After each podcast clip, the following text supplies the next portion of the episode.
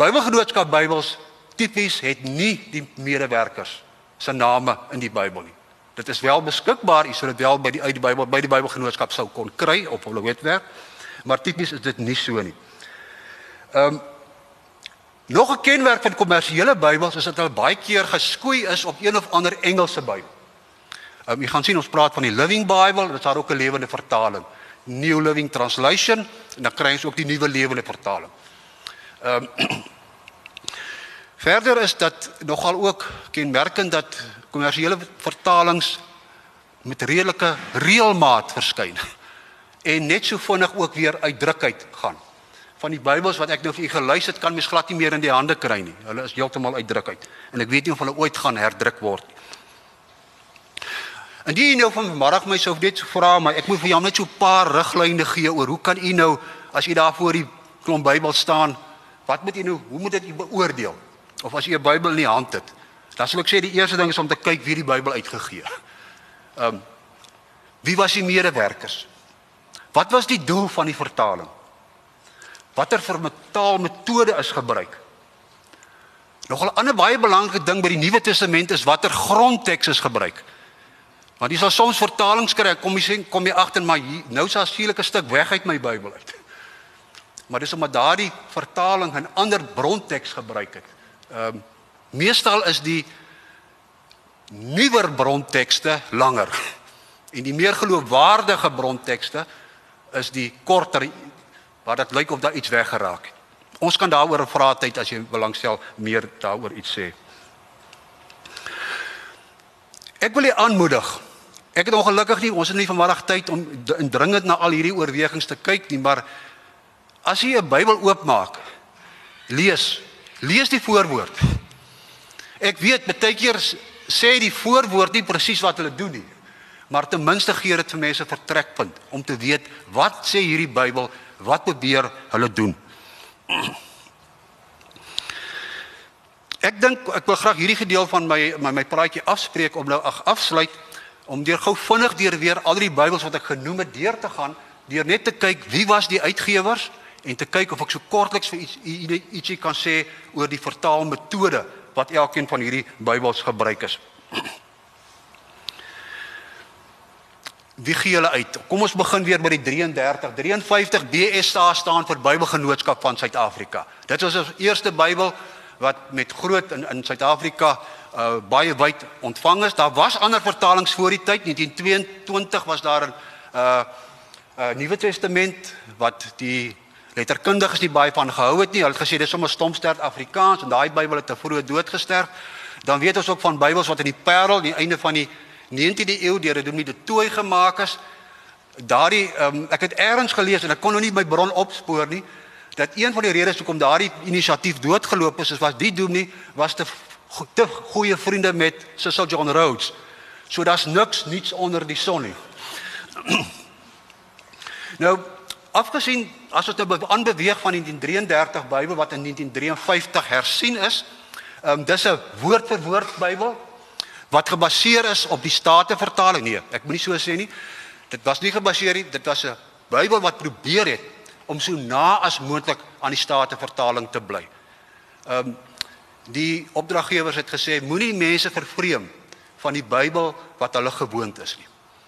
En dis tipies so as daar 'n nuwe vertaling uitkom, hou mense nie van hom nie.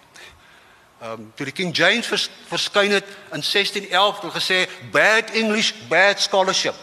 Nou kyk wat staan ons vandag in die rol wat die King James uh, in die Engels Engelse letterkunde gespeel het. Die volgende Bybel is die lewende Bybel. 1982, hy's deur Koem uitgegee. Dit is nie 'n vertaling nie, dis 'n parafrase. Daar het 'n oom in Amerika ehm, 'n uh, Engelse vertaling, baie woord vir woord vertaling gehad en hy het dit gelees vir sy dogtertjie en agtergekom maar sy verstaan nie wat hy lees nie. En toe het hy dit vir haar begin parafraseer en later agterkom maar dis baie gewild en later agterkom hy kan 'n paar bietjie geld hier uitmaak. Ehm um, nou ek wil nie net sê dit was 'n winsbejag nie, maar uiteindelik weet ons dat die Living Bible, het die Living Bible geraak en dit ons in alle tale Living Bibles gekry, ook in in Suid-Afrika. Ehm um, maar dis hoofsaaklik 'n parafrase. Hierdie Bybel is nie meer in druk nie. Ek het dit probeer in die hande kry. Die volgende vertaling, ag vertaling wat ek vir julle gelys het is die 83 vertaling waarmee almal bekend is. Ehm um, ek gaan later so ietsie sê oor die vertaalmodel van hierdie vertaling. Dis 'n sogenaamde lekker lees vertaling, betekenis georiënteerde vertaling. Interessante ding, die Engelse ekwivalent hiervan sou wees die Good News Bible, alhoewel hierdie vertaling meer konservatief sou wees as die Good News Bible. Maar Suid-Afrika is naas Noorwe, is wat ek kon agterkom, die enigste land wat dit as 'n kanselbybel gebruik. Hierdie vertaalmodel Bybel as 'n kanselbybel. Nou ek wonder of dit nie daardie tyd deel was van daai lang groot krokodil oom gesag as die Bybel sê dis jou amptelike Bybel, as die kerk vir jou sê dis jou amptelike Bybel, dan is dit jou amptelike Bybel. dit was daardie tye, dis verskil van vandag. Die volgende Bybel het ek glad nie in die hande kon kry nie. Dis 'n nuwe wêreldvertaling van die Heilige Skrif wat deur die wagtoring mense uitgegee word, Jehovah getuies. Ek sal graag na hom wil kyk. Die inligting wat ek oor hom kan opspoor is dat hy redelik gebaseer is op die Engelse vertaling van die ehm die die die 'n Engelse vertaling wat die Jehovah getuies gemaak het, die wagtoring mense. En 'n kenmerk is dat die woord Jehovah daarin gebruik word. Um, ons kan later ook weer ietsie daaroor sê. 'n Volgende Bybel kon ek ook nie, ek wonder as iemand dit in die hande kon kry, is die Bybel vir kinders. Dis 'n hele Bybel wat op kinders afgestem was. En uh, ek het al die die die, die webwerfskakels probeer um oral deur tot straat te gekry. Die Bybel is oor ons oorspronklik deur Carpe Diem uitgegee. Dis deur 'n klompie uh, geleerdes, ag um, Ou Testamentiese en Semitiese by Noordsuid van Pretoria gemaak. Um, maar sover ek weet is daardie Bybel nie um, op die mark nie of in druk nie.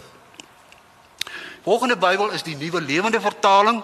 Dit is geskoei op die New Living Translation.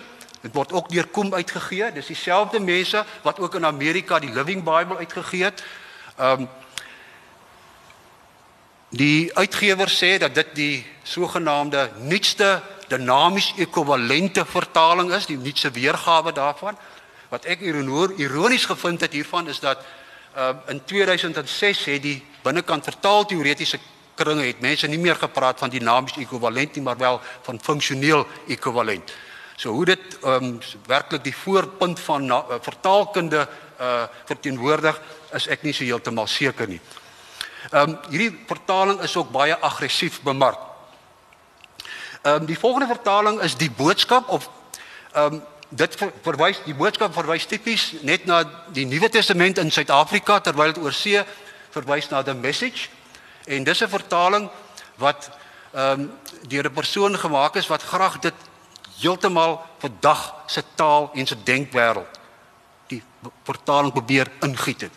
Dit was baie gewild oor see en dit is ook dan in Suid-Afrika deur 'n uh, 'n paar akademici, ek dink omtrent so 6 van hulle gemaak en dit word deur Kom uitgegee en dit staan bekend die volledige Bybel as die Bybel in hedendaagse Afrikaans.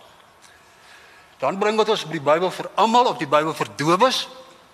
Ehm um, dit is 'n Bybel wat die kerke wat ehm um, dowe Afrikaanssprekende dowe mense bedien gevra die Bybelgenootskap moet vertaal want hulle het 'n baie beperkte woordeskat. En so dit daardie beperkte woordeskat moes 'n vertaalspan dan vir die mense uh in Bybel voorberei. Hulle Afrikaans is net, hulle taal is net so ingewikkeld soos ons in. Dit is net dat hulle woordeskat is beperk. Hulle gebruik nie passiewe nie, hulle gebruik ook nie graag baie woorde soos egter, maar tog en dis en ensovoorts nie. En uh Een probleem met die vertaling was as jy sê die Here het geskep, dan sal die dowe mense dink hy het geskep en nie gemaak nie, want tipies het hulle een woord een betekenis. 'n Kenmerk van hierdie Bybel is dat daar baie inligting by is. Die helfte van die bladsy is notas. Nou pa, my pa is nou al 92, hy het baie gehou van hierdie Bybel wat hy sê hy hou van daai inligting. Hy het nie geweet daar's so baie dinge wat hy nog moet weet van die Bybel. Ehm um, Die Bybel was ook baie gewild onder jong mense en dan ook in oorseese lande waar mense nie se kinders aan beperkte uh, Afrikaans uh, blootgestel word en dat die Bybelgenootskap het daarom um, dit ook uitgegee dit ook uit as die Bybel vir almal. Ehm um, Die volgende Bybel is die Bybel in direkte vertaling. Dit is net die Nuwe Testament Psalms wat in 2014 uh, verskyn het. Ek gaan nou meer sê oor hierdie vertaling, so ek gaan net dit nou eers oorgaan. Die interlineêre Bybel is basies 'n Griekse Bybel waar jy die Grieks vat en dan 'n Afrikaanse woord aan elke Griekse uitdrukking koppel. Daarom hier dit ook in Grieks-Afrikaanse Bybel. En dan hierdie vertaling is ook dan gebruik om die volgende een te maak, die Afrikaanse standaard vertaling. Wat dan ook sê dit is baie woordeliks vertaal. Hulle noem dit ook 'n direkte vertaling, maar nie in die tegniese sin wat die Bybelgenootskap produk uh vertaling dit doen nie. Dit sal later duidelik raak. Um, goed, daar is die hele al ons 11 Bybels wat op die mark is. Um ek hoop as u die blaadjie huis toe vat, sal die inligting vir u so bietjie van hulp wees. Ek wil oorskuif na die Bybel in direkte vertaling. Tot omtrent die 90 1950s is tipies aanvaar dat enige manier om getrou te bly aan die Grieks en Hebreëse bronteks van die Bybel is om dit woordeliks te vertaal, woord vir woord, soos die King James, die Statenvertaling en ons 1933-53 vertaling. Die tweede van die helfte van die eeu is oorheers deur die, die, die sogenaamde dinamiese ekwivalente, later genoem funksioneel ekwivalente model met 'n met die naam van Eugene Nida. Was 'n baie slim oom, 'n uh, man wat 'n doktorsgraad in Grieks ag 'n meestersgraad in Grieks gehad het, 'n doktorsgraad in taalkunde. Hy het 'n groot impak uh op die in die tweede helfte van die 20ste eeu uh, Bybelvertaling, maar ook vertaalkunde in die algemeen gehad.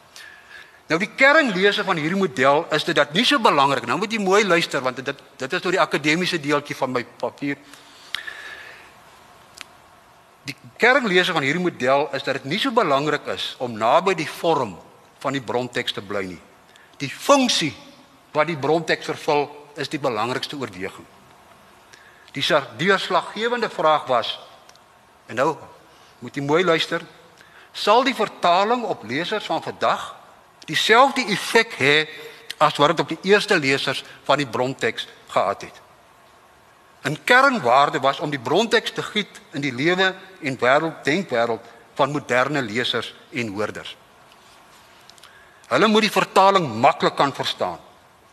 In Suid-Afrika het sommige konservatiewe kerke en ook die Rooms-Katolieke Kerk die 83 vertaling wat op hierdie model geskoei was nooit heeltemal aanvaar nie.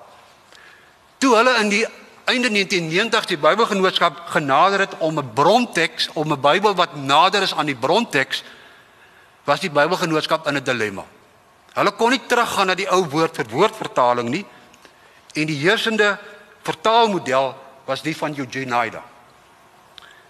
Die storie hoe die Bybelgenootskap hierdie probleem aangepak het, het ek elders beskryf en jy kan dit sien ek het van 'n Merwe 2012 ek het hier vir 'n wysing daar aangedui en as jy so belangstel in die artikel sal ek dit vir u aanstuur.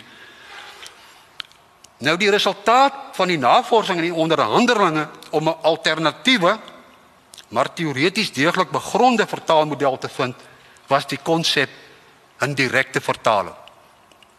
Nou wat 'n direkte vertaling presies is, het ek ook elders brief voor beskryf. U kan dit op Litnet gaan lees 20 Desember 2014. Ek het vir die verwysing in die uitdeelstuk gegee. Ons het nie vandag tyd dat ek nou in al die fyn detail van wat daardie teoretiese konsep en wat daar agter lê is om vir dit uit te spel nie. Ek gaan net dit wat belangrik is vir die verstaan van ons voorbeelde met u deel. 'n Direkte vertaling probeer om die verteller en die skrywer van die Bybel Afrikaans laat praat in hulle tyd. Nie in ons tyd nie, in hulle tyd. Dit fokus dus nie om die vertaling in 'n moderne denkwêreld te giet of die vertaling te laat klink asof dit oorspronklik in Afrikaans geskryf is nie. En anders as die meeste lekker leesvertalings word van meerd af aanvaar dat moderne lesers die antieke teks, die Bybel, nie gaan verstaan as ons nie vir hulle middellike hulp bied met behulp van inleidings tot die boeke, kaarte, bykomstige lang glosarium, voetnota ensovoorts nie. Nou in hierdie opsig is hierdie Bybel baie oudtyds. Want dit is soos die Statenvertaling gewerk het. Die hele middelhelfte van die Statenvertaling was net notas. Die ou kerkvaders het gesê, ag die ou gereformeerde ehm um, kollegas het gesê ons kan nie die werk van die Heilige Gees vervul nie. Ons kan die vertaling maak en ons kan bykomende inligting gee. Maar die leser, die Heilige Gees, dit moet hulle dit moet self gebeur daar waar die teks gelees word. Selfs die geneese Engelse Bybel van die 16de eeu, as jy al ooit dit onderhand te, te sien sal kry, oral inligting, bykomende inligting om die teks te verduidelik. Hierdie vertaling is nie net oudtyds nie, hy's ook eintlik heel modern. Ek weet ek het per ongeluk um Desember maand vir my Dion Meyer se nuwe roman verkoop, maar ek het nie mooi gekyk nie toe kry ek die Engelse een. En daar sien ek agter 'n hele glossarium om my te verduidelik wat Kaapse Afrikaans te beteken. My broer, jy gaan Engels mens persoon verstaan daai kan daai um, term mooi verstaan. So ek wil sê dat hierdie vertaling in 'n sekere sin dis baie modern is. Nou gaan ek vra dat jy mooi moet aandag gee en dit gaan nou nie so baie akademies wees verder aan nie, maar hierdie stukkie is nogal bietjie heavy, so ek wil vra dat jy mooi moet konsentreer. Ten grondslag van hierdie vertaalmodel lê spesifieke siening van taal en betekenis. Asook wat plaasvind as mense kommunikeer of ten minste probeer kommunikeer. Byvoorbeeld, indien mense met mekaar kommunikeer, is die taaluitings wat ons gebruik nie net blote kodes wat een of meer spesifieke betekenis het nie. Taal het al die kenmerke van 'n komplekse en 'n dinamiese stelsel. Die taaluitings wat ons gebruik is ingebed is verweef in ons kultuur en reflekteer tipies baie van ons eie ervarings binne ons eie Suid-Afrikaanse lewenswêreld en kultuur. 'n Ander kenmerk van taal is dat betekenis van uitdrukking skuif gedurig. Het jy agtergekom wat met die woord kuier in Afrikaans gebeur het?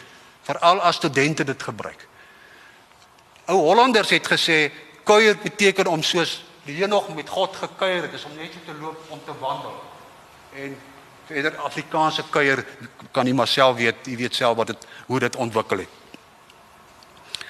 As moderne mense 'n antieke teks lees, veral in godsdienstige teks, soos die Bybel, wat hulle moet help om sin en rigting te gee aan hul daagse bestaan sal hulle tipies betekenis daaraan toegee in terme van hulle eie lewens wêreld en hulle behoeftes. Dis is ons werk, dis is ons koppe werk. As ons lees, ken ons betekenis toe soos ons behoeftes is. Ons kan nie anders wees nie, dis maar soos ons is. Nou so taal en vertaalmodel wat al hierdie kompleksiteite van taal wil bereken kan ek vir u sê stel baie hoë eise aan vertalers. Daarom kan een persoon nie 'n Bybel sommer vertaal nie, jy het 'n vertaalspan nodig. Hierdie span, ons is gelukkig, bestaan uit eksegete, brontaalkenners, letterkundiges van Afrikaans, ehm um, kenners van Afrikaanse taalkunde en ook mense wat spesialiseer in vertaalkunde. Al hierdie mense moet saam worstel mense aan die brontaal ken moet sê maar hulle moet konstrueer hoe dink ons sou hierdie wat sê hierdie bronteks en dan moet ons onderhandel om te sê maar hoe kan ons dit in Afrikaans sê?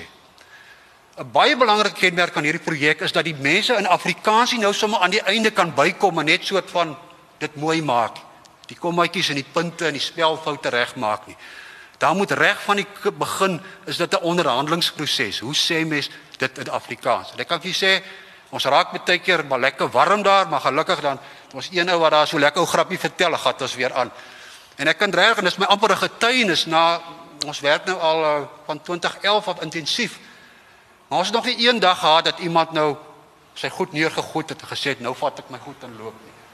Ehm um, dit was my 'n wonderlike ervaring. My vrou weet as ek terugkom dat sy gewoonlik, ekskuus tog, as ek daarvan terugkom as ek gaar. Ehm um, Maar die volgende keer gaan jy maar weer want daai ervaring om saam met ander mense op so 'n manier as kollegas te werk is 'n voorreg. Een van die grootste uitdagings van hierdie projek is watter inligting moet ons waargee? As jy nou voetnotas begin bygee, waar moet jy gee? Nou ons het nog nie al die antwoorde nie. Ehm um, Dr. Ilse Feinauer het haar intree lesings so rukkie gelede gelees, gelewer op Stellenbosch en sy het aangetoon dat daar nog baie navorsing daaroor gedoen is. So in hierdie opsig moet ons weet, ons maak is ons baie daarvan bewus dat ons baie foute gaan maak. Ehm um, maar ons vat maar so 'n stukkie treetjie vir treetjie. Um, ons sal maar hoor ehm um, die terugvoering uiteindelik rondom hierdie vertaling. Ehm um, die vraag hoe direk 'n sogenaamde direkte vertaling kan wees uh is ook nogal moeilik om te antwoord. Ek het dit ook probeer beskryf in 'n uh, jy sal sien in 2016 is daar die artikeltjie is nog nie uit nie, maar hoe direk kan 'n direkte vertaling is? En dit gaan ons nou doen by die deeltjie wat nou meer interaktief is, waar u net na my gaan luister ons gaan nou ons ses voorbeelde kyk. Wat ek net gou my tyd dophou hierso. Jy lyk ons is nog mooi tyd. Nou gaan ons nadat ons nog so 'n bietjie agtergrond het, wat is ons uitgangspunte? Want ek meer idee het wat is die direkte vertaling? Nou gaan ons bietjie na die voorbeelde beweeg om te sê maar wat het daar gebeur? En ek gedink ek wil op die mees konkrete punt begin en dis by 'n donkie. Nou wat kan nou meer konkreet wees as 'n donkie? Ons lees daar in voorbeeld 1 en ek verwys jy daar na die uitdeelstuk. Numeri 21 vers 21 tot 22. Lees ons van Biljam en sy donkie. Die vertalings lui hier as volg. Nou ek gaan nie elke keer al die vertalings lees nie. Jy moet nou oplet. Ek gaan net die 83 vertaling vir u lees. En die tersake uitdrukking het ek dan swart gemerk in al die vertalings. Die 83 vertaling lui: Bilam het toe het die oggend het toe die oggend sy donkie opgesaal en met die amptenare van Moab saamgegaan. God het kwaad geword toe Bilam gaan. En die engel het van Bilam het die engel van die Here het vir Bilam in die pad voorgestaan om hom te keer. Bilam het op sy donkie gery en twee van sy amptenare was by hom. Nou kan jy sien die nuwe nuwe lene vertaling het ook donkie en donkie. Die New International Version, ons het die verteenwoordiger van Biblika wat NIV uitgee hier, Koos Forsie, dis kom ek maar ingesit het Koos. Ehm um, nee, dit is een van die mees gerespekteerde um, Engelse vertalings, het ook donkie en donkie. Nou kyk wat die 83, die 53 vertaling het gehad in eselin en in esel. Nou die Afrikaanse mense het gesê nee, ons gebruik nie woord eselin meer nie. Daarom as jy na kyk na die BDV wat staan vir die die Bybel direkte vertaling, het ons begin met sy donkie Mary opgesaal. Maar dan daarna net gepraat van 'n donkie sodat die leser weet 'n donkie Mary. Nou sal hy vir my sê, maar dis dan baie triviaal. Dit is vir ons triviaal. Maar as jy daai wêreld ken, sal jy weet dat 'n donkie Mary baie belangriker was as 'n donkie Hans uh Job het 500 donkie merries gehad. 'n Donkie merrie was 7 keer meer werd as 'n donkie hinks. Want jy kon 'n donkie merrie ook die melk gebruik en 'n donkie merrie was baie makliker ook as pakdier uh en ook as vervoermiddel. So die feit dat hier die oomblik is daar in Hebreëus 'n term vir donkie, die donkie die die donk na donkie merrie uh verwys word. Meen ek as jy na in die bronteks wil brei, moet jy ten minste dit uitdrukking gee soos daar wat dan gedoen het aan die donkie Mary. Maar om elke keer te praat van 'n donkie Mary, ehm uh, sê die letterkundige soos nee nee, nou raak dit lastig. Ons ons praat nie so nie. Nou, die volgende voorbeeld lees ons uit ehm um, voorbeeld 2. Ons nog baie konkreet, ons begin by die die donkie en nou beweeg ons maar na die geografiese goed toe. Ehm um, Genesis 32 vers 23 die 53 vertaling lui Die nag het hy opgestaan en sy twee vrouens en sy twee persoonlike gevinne en sy 11 kinders gevat en deur die Jabok drif gegaan. Nadat hy deur die rivier ekskuus tog nadat hy hulle deur die rivier gevat het, het hy ook alles wat hy besit het laat deurgaan. Nou sal jy sien in die 83 het ons die rivier die Nuwe Lene vertaling het net na die oorkant toe. Die NIV het the stream. Die 53 het ook the river. Maar die direkte vertaling het die spruit. Die vraag is wat beteken die Hebreëse woord wat hier gebruik word presies? Nou volgens 'n autoriteit met die naam van Snyders verwys die woord is 'n nagal. Hulle het 'n woord van 'n rivier gehad, is 'n nahar, maar die woord nagal is hier gebruik.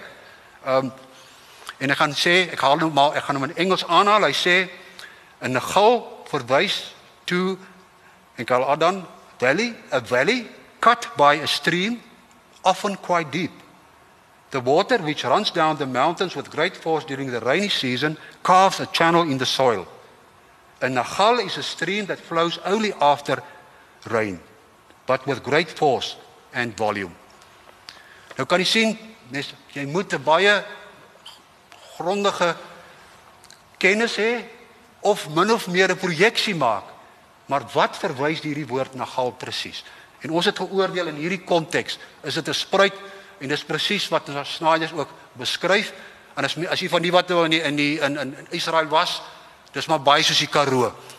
En ons weet 'n spruit kom tipies net af na by reën, maar in die Karoo daar onder die berg is daar hier en daar 'n spruit wat meer dikwels water het. So hier is die keuse vir 'n spruit uh dis goed gemotiveer. Dis interessant as mens na die Engelse vertalings kyk, baie gesaghebende um, Engelse vertalings die sogenaamde die die die een wat 'n geleerde vertaling is 'n New Revised Standard Version. Hulle vertaal hierdie uitdrukking 66 keer 66 keer as 'n wadi. Dan vertaal hom 90 keer 19 keer as 'n valley, 15 keer as 'n stream, 12 keer as 'n torrent. Nou as ons na die NIV, die New International Version toe gaan, dan sien ons hy's 34 keer 'n valley, 19 keer 'n stream, 16 keer 'n ravine, 14 keer 'n gorge 14 keer 'n river en 7 keer 'n wadi. So ek hoop u snap. Almal wat met hierdie begrip gewerk het, het gesukkel om te weet waarna word presies verwys. So baie keer uh, moet mens 'n kon rekonstruksie maak of hipotese maak om te dink ons verwys in hierdie konteks na X of na Y. Daar is gevalle wat hy nie na 'n spruit verwys nie, maar na 'n hele dal en dan sal mens vertaal met 'n dal. My volgende voorbeeld is ook uh, rondom 'n geografiese uitdrukking. Ehm um, en dit kry u in voorbeeld nommer 3. Ek lees weer eens vir u die 83 vertaling. Breek nou kamp af, dit kom uit um, Deuteronomium 1 vers 7. Breek nou kamp af en trek die bergwêreld van die Amorite in en ook die gebied van die mense wat saam met die Amorite in die land woon. Die Jordaanvallei, die bergwêreld, die Laagveld, die Suidland en die kusvlakte. Nou kan jy sien die 83 vertaling het Laagveld met 'n hoofletter. Nou wat dink u as u hoor van die Laagveld? Ander plek. NLV het dit met 'n klein lettertjie gemaak, Laagveld. Die NIV het dit gemaak in the Western Foothills. Die 53 vertaling het Laagveld met 'n hoofletter. Die direkte vertaling lui as volg: breek julle kamp op en trek na die bergland van die Amorite en al die omliggende gebiede. Die Jordaanvallei, die bergland, die Shafaila, die Negev en die kusvlakte. Nou kan jy sien hoe is heeltemal ander goed. Maar omdat baie keer ons onseker was, is daar 'n voetnota of omdat moeilik is om die sommige van hierdie uitdrukkings is eintlik eie name, is daar 'n verduideliking aan die onderkant gegee. So hierdie ding wat met hierdie uit uh laafveld uh staan in die Hebreëus bekend as 'n shafela. En daarom het ons hom net so behou en onderaan verklaar. Dit is die laer liggende heuwellandskap wes van die sentrale bergland in Palestina.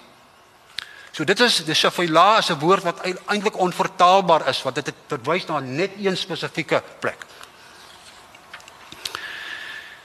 David Kramer, dis amper soos as Weskus. Ehm um, David Kramer vertel so 'n mooi storie nadat hy op 'n keer saam met Paul Simon gekuier het, speel hy vir hom die liedjie Bochum en Voortcheck. Hy sê toe sê um, Paul Simon vir David, "What kind of sound is that?" En David antwoord hom, "Paul, you know, it is the West Coast sound." nou, dit sê vir ons ietsie van die Shafila wat ons nie kan verwoord nie. Dit is soos ons Weskus. As ons nou na van ons geografiese wêreld bietjie beweeg in voorbeeld nommer 4 na die sosiale uh, wêreld, raak dit nou nog bietjie meer kompleks. Ehm um, Voorbeeld 4 gaan oor Genesis 20 vers 1. Die 83 vertaling lui as volg: Abraham het van Mamre af weggetrek na die suidland toe en hom tussen Kades en Sur gaan vestig. Toe hy op 'n keer in Gerar gewoon het. Nou die nuwe lewende vertaling het gewoon. Die NIV het he stayed for a while he stayed in Gerar. Die 53 vertaling het in Gerar as vreemdeling vertoef. Die direkte vertaling het Abraham het van daar af na die Negev getrek en tussen Kades en Sur gaan woon. Toe hy op 'n keer as vreemdeling in Gerar vertoef. Nou sal jy sien in die Bybel is daar 'n kolletjie by vreemdeling. Dis soos by Dion Meyer se broer om te sê nou moet jy gaan in die glossarium lees. En daar staan 'n vreemdeling, dis 'n persoon wat om politieke of ekonomiese redes sy eie land verlaat het en tydelik in 'n ander land woon. Vreemdelinge wat tydelik verblyf by die Israeliete gekry het, het beskerming geniet. Nou terwyl vreemdelinge deur baie Suid-Afrikaners die assosiasie het van die mense uit Zimbabwe en Malawiërs wat in Suid-Afrika kom werk soek, het dit vir die mense in die ou nabye ooste al die gasvryheidsverpligtinge opgeroep wat 'n mens gehad het as iemand uit 'n ander volk of selfs uit 'n ander stam tydens tyd van nood, oorlog, droogte by jou gekom het. En dan het die leier van daardie groep met die leier van die ander groep gaan onderhandel oor 'n paar waterregte. Ehm um, jy sal weet jy sal baie keer die term kry die koning was goed, hy het gekyk na die regte van die vreemdeling, die weduwee en die wees. Die koning of die chief of die hoofman moes sien dat hierdie mense wat geen regte gehad het nie, dat hulle goed behandel is. En dit is die rol wat Abraham in Genesis 20 gehad het. Nou as ons dan hier nou net so gepraat het van gewoon het, het ons die hele wêreld verloor. En daarom is die term vreemdeling gebruik met 'n bietjie toeligting. Ek is nie heeltemal seker of daai toeligting heeltemal genoegsaam is nie, maar dis nie nou die tyd ek wil dit nie graag hier krities bespreek nie, maar dis op 'n punt wat ek nou self gewonder het, gaan ons is dit genoeg vir ons mense of moet hulle meer hê um, om hierdie konsep heeltemal te verstaan? As ons nou dat die sosiale struktuur nog verder in beweeg, is die vraag wat maak mense in 'n Bybelvertaling as die mense daar kritaal gebruik? Of as hulle begin vloek? Aan die een kant wil die kerk hê dat daar naby die bronteks gebly moet word. Maar aan die ander kant sal hulle maar bietjie ongemaklik wees as nou ons nou 'n vye vye gaan noem.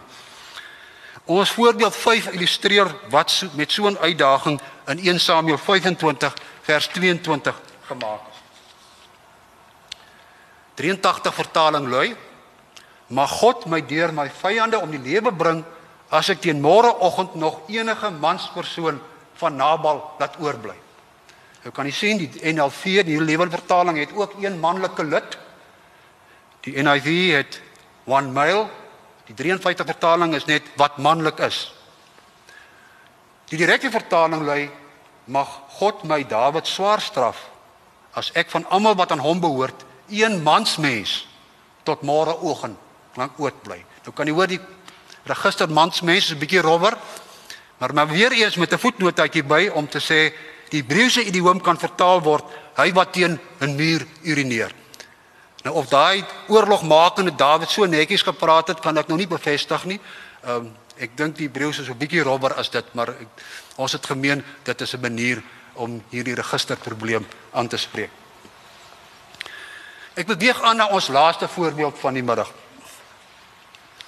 As ons nou van die sosiale struktuur na die godsdienstige dimensie toe te beweeg, raak die naam van God eintlik heel problematies of die name vir God. Want as ons nou van die Here praat, is die Here se naam nie eintlik Here as ons nou baie slim wil wees nie. Sy naam is Jahwe. Ek stem nog nie saam met die Jehovah getuies dit moet Jehovah wees nie, maar uh, ek dink daar's goeie argumente dat die Here se naam in Hebreëus is Jahwe. Maar ek dink die kans is baie klein as ons die Here se naam nou oornag sou verander van die Here na Jahwe. Ehm um, Dit wys weer eens ook dat 'n vertaling nie ge gebeur sonder kan gebeur sonder die mense en die kerke wat die opdrag gegee het. Hulle gevoelens en hulle oorwegings, dit wat hulle gewoond is, moet soms ook in ag geneem word. Daar's baie ander gevalle waar mens um, kan ek vir u sê dat die godsname vir ons nogal baie probleme gegee het.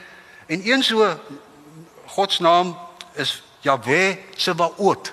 Dit ou vertaling het gesê die Here van die leerskare. Ons laaste voorbeeld kom by Sagaria 1 vers 3. Die 83 vertaling het gesê die Here die Almagtige. NLV het ook gesê die Here die Almagtige. Die NIV het ook gehad the Lord Almighty. Die 53 vertaling het gehad die Here van die leerskare. Dan het ek vir die Common English Bible ook daar ingesit en hulle dis 'n redelik gerespekteerde um, uh, moderne Engelse vertaling the Lord of Heavenly Forces. Die direkte vertaling het probeer so sê die Here heerser oor alle magte. Keer terug na my, dan sal ek na julle terugkeer. Ek hoop ek het vanmiddag vir u so 'n bietjie kon wys wat se vertalings is daar. Wie gee hulle uit? Ek hoop ek kon u geïnspireer het om so 'n bietjie na die voorwoord te lees, te, um, te kyk. Ehm um, ek hoop ook dat u nou vanmiddag sal besef dat taal vertoon al die kenmerke van 'n komplekse dinamiese stelsel. En as mens dit in een taal wat ingebed is in daardie kultuur oorplaas na 'n ander taal en 'n ander kultuur.